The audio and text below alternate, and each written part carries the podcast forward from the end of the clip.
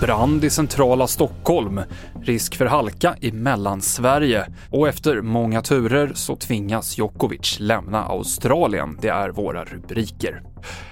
Ja, räddningstjänst, polis och flera ambulanser är på plats vid ett flerfamiljshus i centrala Stockholm efter att det kom in larm om en lägenhetsbrand och minst en person har förts till sjukhus. Så här säger Tommy Wollberg på räddningstjänsten om arbetet på platsen. Vi har haft eh, initialbranden på våning 4 och så har den även spridits upp till våning 5. Men det, de bränderna ska vara släckta nu, men vi letar då efter konstruktionsbränder och rökspridning i fastigheten. Mer om branden på tv4.se. Det är risk för halka i Gästrikland samt östra och inre delen av Svealand.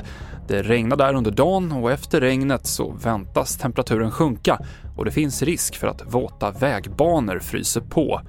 SMHI har också lagt ut varningar för hård vind i kombination med snö i fjällen. Flera skott har avlossats mot ett bostadshus i Hittarp norr om Helsingborg vid sextiden i morse. Ingen ska ha befunnit sig i den bostad som besköts och polisen har inte kunnat hitta någon skadad person. Världsettan Novak Djokovic nekas visum till Australien och han kommer tvingas lämna landet efter att tre domare tagit beslut idag. Djokovic säger i ett uttalande att han är extremt besviken, men att han respekterar domarnas beslut. Bakgrunden till hela den här historien är att Djokovic inte är vaccinerad mot covid-19. Och januari är en av de mest olycksdrabbade månaderna när det gäller vilt och renpåkörningar.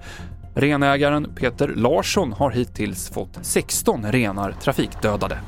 Saltningen är ju det stora problemet för det känner ju en ren på flera kilometer. De blir ju som tokiga, då ska de in ut på vägen och slicka. Saltet behövs och det, det, finns ju en skyldighet på de här Europavägarna att vi ska ha en viss framkomlighet. Så det, den diskussionen kan vi alltså lägga ner där. Alltså salta vägar kommer vi att göra, men det ställer till ett problem. Och sist där hörde vi Joakim Lundqvist, viltsamordnare på polisen Region Nord. Fler nyheter hittar du i vår app TV4 Nyheterna. Jag heter Mikael Klintevall.